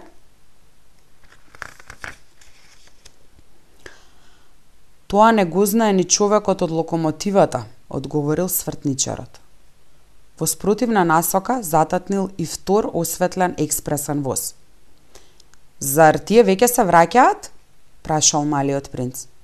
Не се истите, рекол свртничарот. Тоа е разминување на возови. Зар не се задоволни од местото каде што биле? Човек никогаш не е задоволен таму каде што е, рекол свртничарот. Зататнил грмеш и од трет осветлен експресен воз. Зар овие ги гонат првите патници? Прашал малиот принц. Тие не гонат никого, одговорил свртничарот. Спијат внатре или може би се продзеваат. Само децата си ги прилепуваат носовите на стаклата од прозорците. Само децата знаат што бараат, рекол малиот принц. Тие губат од времето за една кукла од партали и таа им станува многу значајна. И ако им ја земат, тие плачат. Тие се срекни, рекол свртничарот. Добар ден, рекол малиот принц. Добар ден, рекол трговецот. Тој бил трговец на совршени пилули за гасење на жетта. Човек испива една неделно и веќе не чувствува потреба од пиење. Зошто го продаваш тоа? рекол малиот принц. Тоа е голема заштеда на време, рекол трговецот. Експертите го пресметале тоа. Се заштедуваат 53 минути неделно. А што се прави со тие 53 минути? Се прави она што се сака. Кога јас би имал за трошење 53 минути, си рекол со умот малиот принц, би тргнал сосем полека на кај некој извор. Беше осмиот ден од мојот дефект во пустината, а јас ја слушав приказната за трговецот, пиејќи ја последната капка од мојата резерва вода. Ах, му реков на малиот принц, твоите спомени се многу убави, но јас уште не сум го поправил својот авион, веќе немам ништо за пиење и би бил исто така многу среќен кога би можел сосем полека да одам на кај некој извор. Мојата пријателка лисицата, ми рече тој, мое добро дете, го прекинав. Веќе не станува збор за лисицата. Зошто? Зошто ќе умреме од жет? Тој не го свати моето размислување и ми одговори. Многу е добро да имаш пријател, дури и ако треба да умреш. Јас сум многу среќен зашто имав пријателка лисица. Тој не се грижи поради опасноста, си помислив. Никогаш не е ни гладен, ни жеден. Доволно му е малку сонце. Но тој ме погледна и одговори на мојата мисла. И јас сум жеден, ајде да побараме некој бунар. Направив малодушно движење. Бесмислено е да се бара бунар, онака потамина во бескрајната пустина. Но сепак тргнавме. Откако одавме со часови, молкома, настапи ноќта, а звездите засветка. Јас ги забележував како во сон, зашто имав малку треска поради жетта. Зборовите на малиот принц танцуваа во мојата свест. Значи и ти си жеден, го прашав. Но тој не одговори на моето прашање. Само ми рече, водата исто така може да биде добра за срцето. Не го разбрав неговиот одговор, но молчав. Знаев дека не треба ништо да го прашувам. Тој беше изморен. Седна. Јас седнав до него и по известно молчење тој рече Звездите се убави поради цвеќето кое не се гледа. Му одговорив, се разбира, и молкум ги гледав на борите на песокот под месечината. Пустината е убава, додаде тој. И тоа беше вистина. Јас секогаш ја сакав пустината. Човек може да седне на песочна дина, не се гледа ништо, не се слуша ништо, а сепак нешто зрачи во тишината. Она што ја разубавува пустината, рече малиот принц, е тоа што таа некаде крие бунар. Бев изненаден кога одеднаш го разбрав тоа таинствено значење на песокот, зрачење на песокот. Кога бев мал, живее во една стара куќа во која, според прикажувањата, било закопано големо богатство. Се разбира, никогаш никој не успеал да го пронајде, а може би дури никој и не го побарал. Но тоа ја правеше целата куќа волшебна. Мојата куќа во дното на своето срце криеше една тајна. Да, му реков на малиот принц. Она што ги прави убави, куќата, звездите или пустината, тоа е невидливото. Задоволен сум поради тоа што се согласуваш со мојата лисица, рече тој. Бидејќи малиот принц заспа, го крена враце и пак тргнав на пат. Бев возбуден. Ми се чинеше дека носам некое кревко богатство. Ми се чинеше дека Нема ништо покревко на земјата.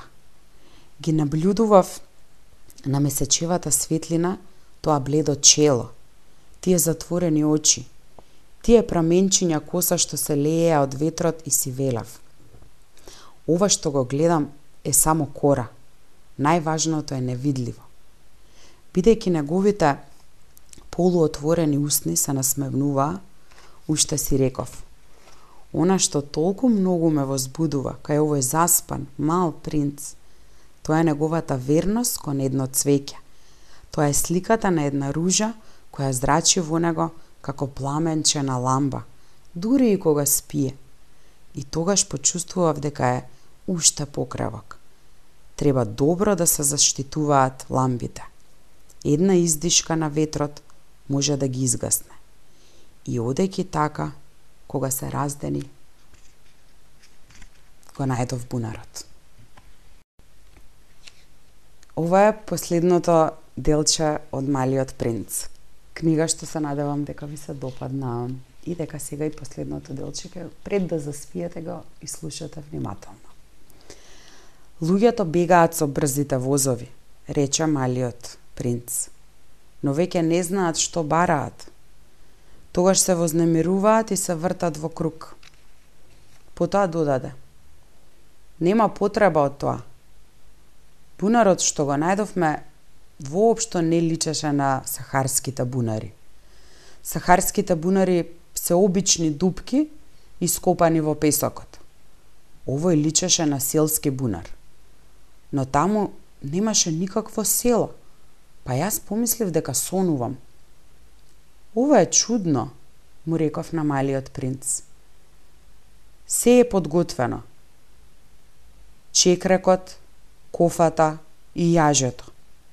Тој се насмевна, го допре јажето и го заврте чекрекот.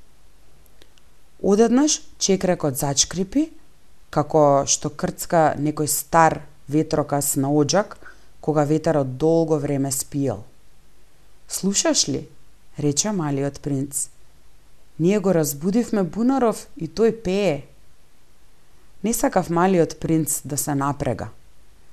Дозволи ми мене, му реков. Тоа е многу тешко за тебе. Полека ја кренав кофата до камената ограда на бунарот. Таму ја поставив добро исправена. Во моите уши продолжи да дзуни песната на чекрепот на чекрекот, а во водата, што трепереше уште, гледав како трепери сонцето. Жеден сум за оваа вода, рече малиот принц. Дај ми да се напијам. И јас сватив што бараше тој. Ја подкренав кофата до неговите усни. Тој пиеше со затворени очи. Имаше сладост во тоа како на празничен ден. Таа вода беше нешто многу поинакво од обичната вода за пиење. Таа беше родена од одењето под звездите, од песната на чекрекот и од силата на моите раце. Беше добра за срцето како подарок. Кога бев мало дете, светлината на божикњата елка, музиката на полнокината богослужба, нежноста на насмевките го создаваа така зрачењето на божикниот подарок што го добивав. Луѓето од твојот свет рече малиот принц, одгледуваат 5000 ружи во иста градина, а таму не го наоѓаат она што го бараат. Не го наоѓаат, одговорив. Меѓутоа, она што го бараат може да се најде во една единствена ружа или во малку вода. Се разбира, му одговорив. А малиот принц додаде. Но очите се слепи. Треба да се бара со срцето. Се напив, дишев лесно. Кога се разденува, песокот има боја на мед. Бев среќен исто така поради медената боја. Зошто па јас би бил несреќен? Треба да го исполниш ветувањето, ми рече Тивко малиот принц, кој пак седна до мене. Кое ветување? Знаеш, нарилникот за мојата овца, јас сум одговорен за она цвеќе. Ги извадив своите скици од джебот. Малиот принц ги погледна и рече смејки се. Твоите баобаби малку личат на зелки. О, а јас бев толку горд со баобабите. Твојата лисица, незините уши, малку личат на рогови и многу се долги. И продолжи да се смее. Ти си неправедно, моје малечко добро човечулче. Јас не знаев да нацртам ништо друго освен затворени и отворени змии боа. Ох, во рета, рече тој, децата знаат. Тогаш му нацртав еден нарилник. И додека му го подавав, срцето ми се стегаше. Ти имаш на... некакви намери што јас не ги знам? Но тој не ми одговори. Ми рече. Знаеш, утре ќе биде годишнина од моето паѓање на земјата. По известно молчење додаде. Јас паднав тука некаде близу и поцрвене. И без да сватам зошто, пак почувствував чудна тага. Сепак ми дојде едно прашање. Значи, не беше случајно тоа што она утро, кога те запознав пред 8 дена, шеташе така сосем сам, илјада мили далеку од какво било населено место, ти се враќаше на кај точката на твоето паѓање? Малиот принц пак поцрвене, а јас додадов колебајки се. Може би поради годишнината, малиот принц пак поцрвене. Тој никогаш не одговараше на прашањата, но кога некој ќе поцрвени, тоа значи да, нели? Ах, му реков, се плашам, но тој ми одговори. Ти сега треба да работиш. Треба да се вратиш кај твојот авион. Јас ке те чекам овде. Врати се утре, утре вечер. Но јас не се успокоив. Си споменав за лисицата. Ако човек дозволи да биде припитомен, ризикува малку да плаче. Блиску до бунарот имаше една урнатина од стар камен зид.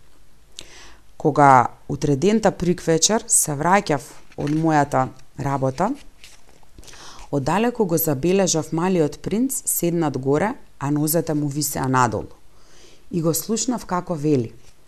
Значи ти не се сеќаваш, рече тој. Тоа не беше точно тука. Без сомневање, некој друг глас му одговори, со што тој возврати. Да, да, на денешен ден, но не на ова место. Продолжив да одам на кај зидот. Уште не гледав и не слушав никого. Но малиот принц пак одговори. Се разбира, ти ќе видиш каде почнува мојата трага во песокот и таму ќе ме чекаш. Ноква ќе стигнам таму. Бев на 20 метри од зидот и се уште не гледав ништо. По кратко молчање малиот принц рече. Дали имаш добар отров и дали си сигурна дека нема долго да се мачам? Останав стаписан со стегнато срце, но и понатаму не сваќав ништо. Сега оди си, рече тој, сакам да слезам. Тогаш јас го спуштив погледот кон подножието на зидот и подскокнав. Таа беше таму, исправена кон малиот принц, една од оние жолти змии што ве усмртуваат за 30 секунди. Џбарајки во џебот за да го извадам својот револвер, се стрчав, но од шумот што го направив, змијата полека се лизна по песокот, како воден мласт што згинува и без да брза многу, со лесен метален шум се вовлече меѓу камењата. Стигнав до зидот токму на време за да го пречекам враце моето мало добро човечуле од принц, блед како снег. Каква е оваа приказна? Ти сега разговараш и со змии. Му го одврзав вечното шалче од злато. Му ги навлажнив слепочниците и му дадов вода.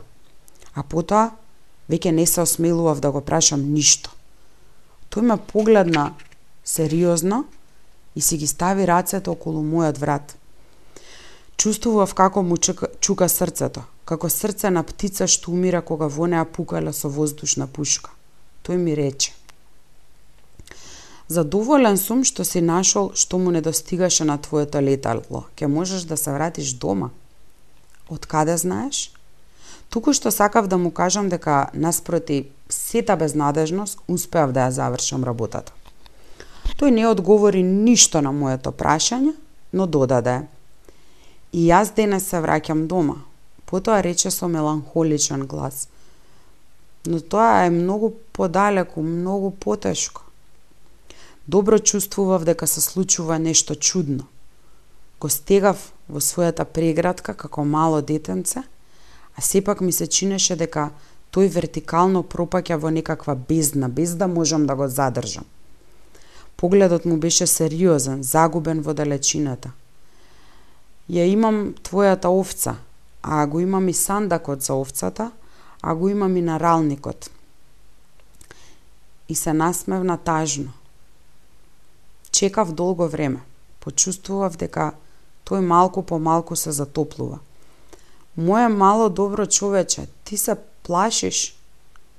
Се разбира, тој беше исплашен, но кротко се насмевнуваше. Многу повеќе ќе се плашам вечерва. Пак почувствував морници поради чувството на непоправливост на нештата. И сватив дека нема да можам да ја поднесам помислата да не го слушам веќе неговото смеење. За мене тоа беше како извор во пустината. Мало човече, јас сакам уште да те слушам како се смееш. Но тој ми рече. Оваа ноќ ќе се наврши токму една година. Мојата звезда ќе се најде точно над местото каде што паднав минатата година. Мало човече, нели е само еден лош сон таа приказна за змијата и за средбата и за звездата, но тој не ми одговори на прашањето. Ми рече, она што е значајно не се гледа. Се разбира. Тоа е како со цвеќето. Ако сакаш едно цвеќе што се наоѓа на некоја звезда, уживање е да го гледаш небото ноќе. Сите звезди се расцутени. Се разбира, реков. Тоа е како со водата, продолжи. Таа што ти ми ја даде да се напијам беше како музика, поради оној чекрек и поради јажето, си споменуваш, беше чудесна. Се разбира. Ноќе ќе ги гледаш звездите. Во мојот крај се е премалечко за да можам да ти покажам каде се наоѓа мојата. Подобро што е така. Мојата звезда за тебе ќе биде една од звездите. Тогаш ќе сакаш да ги гледаш сите звезди. Тие ќе бидат сите твои пријателки а сакам да ти дадам еден подарок. И продолжи да се смее. Ах, мало човече, мало човече, сакам да го слушам ова смеење. Токму тоа ќе биде мојот подарок. Тоа ќе биде како со водата. Што сакаш да кажеш? Луѓето имаат звезди што не се исти. За некои кои патуваат звездите се водачи. За други тие не значат ништо друго освен мали светилки. За некои што се научници тие се проблеми. За мојот бизнесмен беа злато, но сите звезди молчат, а ти ке имаш звезди каква што немал никој. Што сакаш да кажеш? Кога ноќе ќе го гледаш небото, ќе ти се чини како да се смеат сите звезди, зашто јас ќе живеам на една од нив, зашто јас ќе се смеам на една од нив. Ти ќе имаш звезди што знаат да се смеат. Тој пак се смееше. И кога ќе се утешиш, луѓето секогаш се утешуваат, ќе бидеш задоволен дека си ме запознал. Секогаш ќе ми бидеш пријател. Ќе имаш желба да се смееш заедно со мене. И понекогаш ќе го отвораш прозоретот само така, од задоволство. А твоите пријатели многу ќе се чудат кога ќе те видат дека се смееш гледајќи го небото. Тогаш ти ќе им речеш, да, звездите секогаш ми предизвикуваат насмевка. Тие ќе мислат дека си полудел, сум ти приредил една грда шега. И тој пак се смееше. А тоа ќе биде како да сум ти дал, наместо звезди, еден куп мали звончиња што знаат да се смеат. И продолжи да се смее. Потоа стана сериозен. Оваа ноги, знаеш, не доаѓај. Нема да те напуштам, реков. А ќе се приправам дека ми е лошо, дури малку ќе изгледам како да сум на умирање. Така е тоа. Не доаѓа да го гледаш тоа, нема потреба. Нема да те оставам но тој беше загрижен. Ти велам така поради змијата, за да не те касне, змиите се лоши, може да те каснат од задоволство. Нема да те напуштам. Вистина е дека тие веќе немаат отров за второ каснување. Таа ноќ не го видов кога тргна на пат. Избега без никаков шум. Кога успеав да го стигнам, одеше решително и со брз чекор. Само ми рече, Ах, ти си тука. И ме фати за рака. Но уште се тревожеше. Си сгрешил, тебе ќе ти биде мака. Јас ки изгледам како да сум мртов, но тоа нема да биде вистина. Јас молчав. Разбираш, нели? Тоа е многу далеко. Јас не можам да го однасам до таму телово. Тоа е многу тешко. Јас молчав. Но тоа ќе биде како една стара напуштена корупка – Старите корупки не се за жалење. Јас молчав. Тогаш малку се обесхрабри, но направи уште еден напор. Тоа ќе биде пријатно, знаеш, и јас ќе ги гледам звездите. Сите звезди ќе бидат бунари со рогјосани чекреци. Сите звезди ќе ми тураат да пијам. Јас молчав. Тоа ќе биде толку забавно. Ти ќе имаш 500 милиони звончиња, јас ќе имам 500 милиони извори, И тој исто така замолча, зашто плачеше. Тоа е тука. Остави ме сам да направам еден чекор.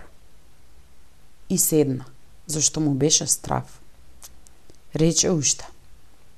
Знаеш, моето цвеќе, јас сум одговорен за него. А тоа е толку слабичко и толку е невино. Има само четири бедни трнчиња за да го заштитуваат од светот. Јас седнав зашто веќе не можев да стојам. Тој рече, ете, тоа е се. Се колебаше уште малку, а потоа стана. Направи еден чекор, а јас не можев да се помрднам. Кре неговиот глушт засветка една жолта молња. Еден момент тој стана, остана неподвижен. Не испушти крик. Падна полека како што паѓа дрво. Не се слушна никаков шум поради песокот. Од тогаш поминаа веќе 6 години. Никогаш до сега не сум ја раскажал оваа доживеалица. Другарите со кои се сретнав беа многу задоволни што пак ме гледаат жив. Бев тажен, но им велев. Тоа е од уморот. Сега сум малку од малку утешен, односно, не сосем, но добро знам дека тој се вратил на својата планета зашто кога се раздени, не го најдов неговото тело. Тоа не беше некое многу тешко тело. И сакам ноќе да ги наслушнувам звездите. Тоа е небаре како да слушам 500 милиони звончиња. Но ете се случува нешто мощно необично. На наралникот што го нацртав за малиот принц, забуравив да додадам и едно кожено ременче. Тој никогаш нема да може да го врзе наралникот на својата овца. Па се прашувам, Што ли се случило на неговата планета? Може би овцата го изела цвеќето? Понекогаш си велам, сигурно не.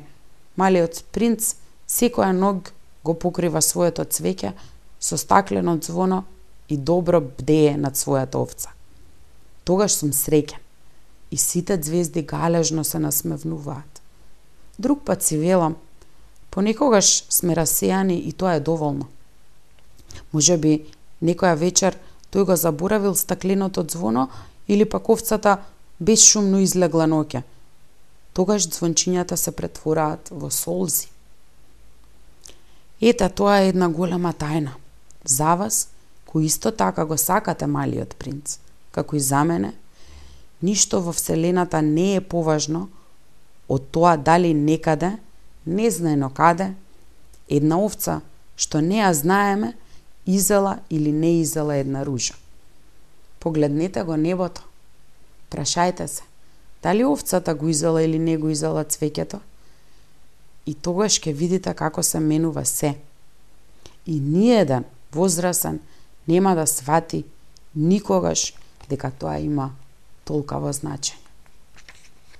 Добра ноќ.